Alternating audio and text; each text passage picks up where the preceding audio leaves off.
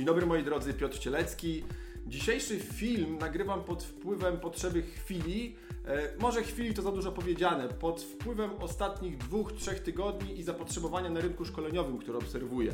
Dlatego, że 80% zapytań o warsztaty, o szkolenia, o power speeche, jakie kierują do mnie e, moi potencjalni klienci, tyczy się tematu zarządzania zmianą, pracy ze stresem i tego, w jaki sposób udzielać wsparcia emocjonalnego swoim pracownikom w tych trudnych czasach. Dlatego postanowiłem nagrać taki film również dla Was, dla moich odbiorców, dla ludzi, którzy śledzą mój kanał na YouTube, moje media społecznościowe i podzielić się z Wami tym, co warto, a czego nie warto robić w tych dziwnych czasach. Dlatego, jeśli ostatnio doświadczasz nadmiernej ilości stresu, czujesz się niepewny, nie wiesz, co przyniesie przyszłość i nie wiesz, jak w tym wszystkim zadbać o siebie i o innych, to myślę, że ten film będzie dla Ciebie ciekawą inspiracją. Tradycyjnie zapraszam Was do subskrybowania mojego kanału, wciśnijcie przycisk subskrybuj, wciśnijcie dzwoneczek, dzięki czemu będziecie informowani na bieżąco o wszystkich nowych filmach, które pojawią się na moim kanale. Zapraszam Was na Facebooka, na Instagrama, na TikToka, śledźcie moje media społecznościowe, a teraz zapraszam Was do wysłuchania tego odcinka. Przypomnij sobie, kiedy ostatni raz leciałeś samolotem.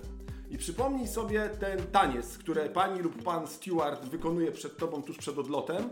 I przypomnij sobie, co mówi w sytuacji, jeśli w kabinie ciśnienie spadnie i z sufitu wylecą maski tlenowe, a ty podróżujesz z dzieckiem. Komu stewardesa lub steward zalecają założyć maskę w pierwszej kolejności? Tobie czy dziecku? Zawsze tobie. Podkreślają to przed każdym startem. Nie dlatego, że nie kochasz swojego dziecka, ale dlatego, że kiedy tobie odetnie tlen i ty stracisz przytomność, to nie pomożesz ani sobie, ani swojemu dziecku. W ostatnim czasie obserwuję gigantyczne wsparcie, które idzie dla uchodźców, którzy napływają do nas z Ukrainy, dla ukraińskich pracowników y, w korporacjach i w firmach, które mają swoje siedziby w Polsce. I to jest piękne. Godne polecenia, godne pochwały i super, że ludzie to robią. Sam również dołączam się do tego typu akcji. E, obserwuję również duże zaangażowanie w pomoc pracownikom, którzy e, są u nas na etacie zatrudnieni, natomiast tłamsi ich ta niepewność tego, co będzie jutro, co będzie z naszą firmą, co będzie ze światem, co będzie ze mną. Z drugiej strony obserwuję coraz większe e, znużenie ludzi, którzy tą pomoc świadczą. Dlatego, że pamiętajmy, jesteśmy tylko ludźmi. To oznacza, że mamy ograniczoną ilość godzin w ciągu doby do dyspozycji. To znaczy, że mamy ograniczoną ilość godzin, które musimy przeznaczyć na pomoc innym, na odpoczynek, na zajęcie się swoimi sprawami. To znaczy wreszcie, że mamy jakieś konkretne, wyczerpywalne źródła energii, które kurczą się, jeśli tej, energii, jeśli tej energii wydatkujemy zbyt wiele w zbyt krótkim czasie. I teraz chcecie zaprosić do prostego eksperymentu myślowego. Zamknij na chwilę oczy, Poważnie, zamknij oczy. Mówię serio, ja widzę, kto nie zamknął.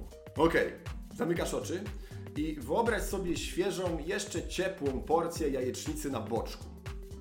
I tak, drodzy wegetariani, y, jeśli tego słuchacie, boczek jest koniecznym elementem tego wyobrażenia. Doskonale? To teraz otwórz oczy i uwaga. Kura zaangażowała się w produkcję jajecznicy, a świnia się poświęciła. Czytelna metafora? Dlatego, jeśli chcesz zaangażować się w pomoc innym, jestem cały za i podpisuję się obiema rękoma. Jeśli zamierzasz się dla nich poświęcać, to uważaj. Pamiętaj, że nie jesteś supermenem, że masz określoną ilość czasu i określone zasoby energetyczne, które możesz wydatkować na różne rzeczy. Jeśli zaczniesz się poświęcać dla innych i będziesz to ciągnął tygodniami, być może nawet miesiącami, to te nieodnawialne źródła z Twoich zasobów zaczną maleć, maleć, kurczyć się i w pewnym momencie nie będziesz w stanie pomóc nawet samemu sobie. Mówiąc brutalnie, wyeksploatujesz się i nie będzie z Ciebie większego pożytku.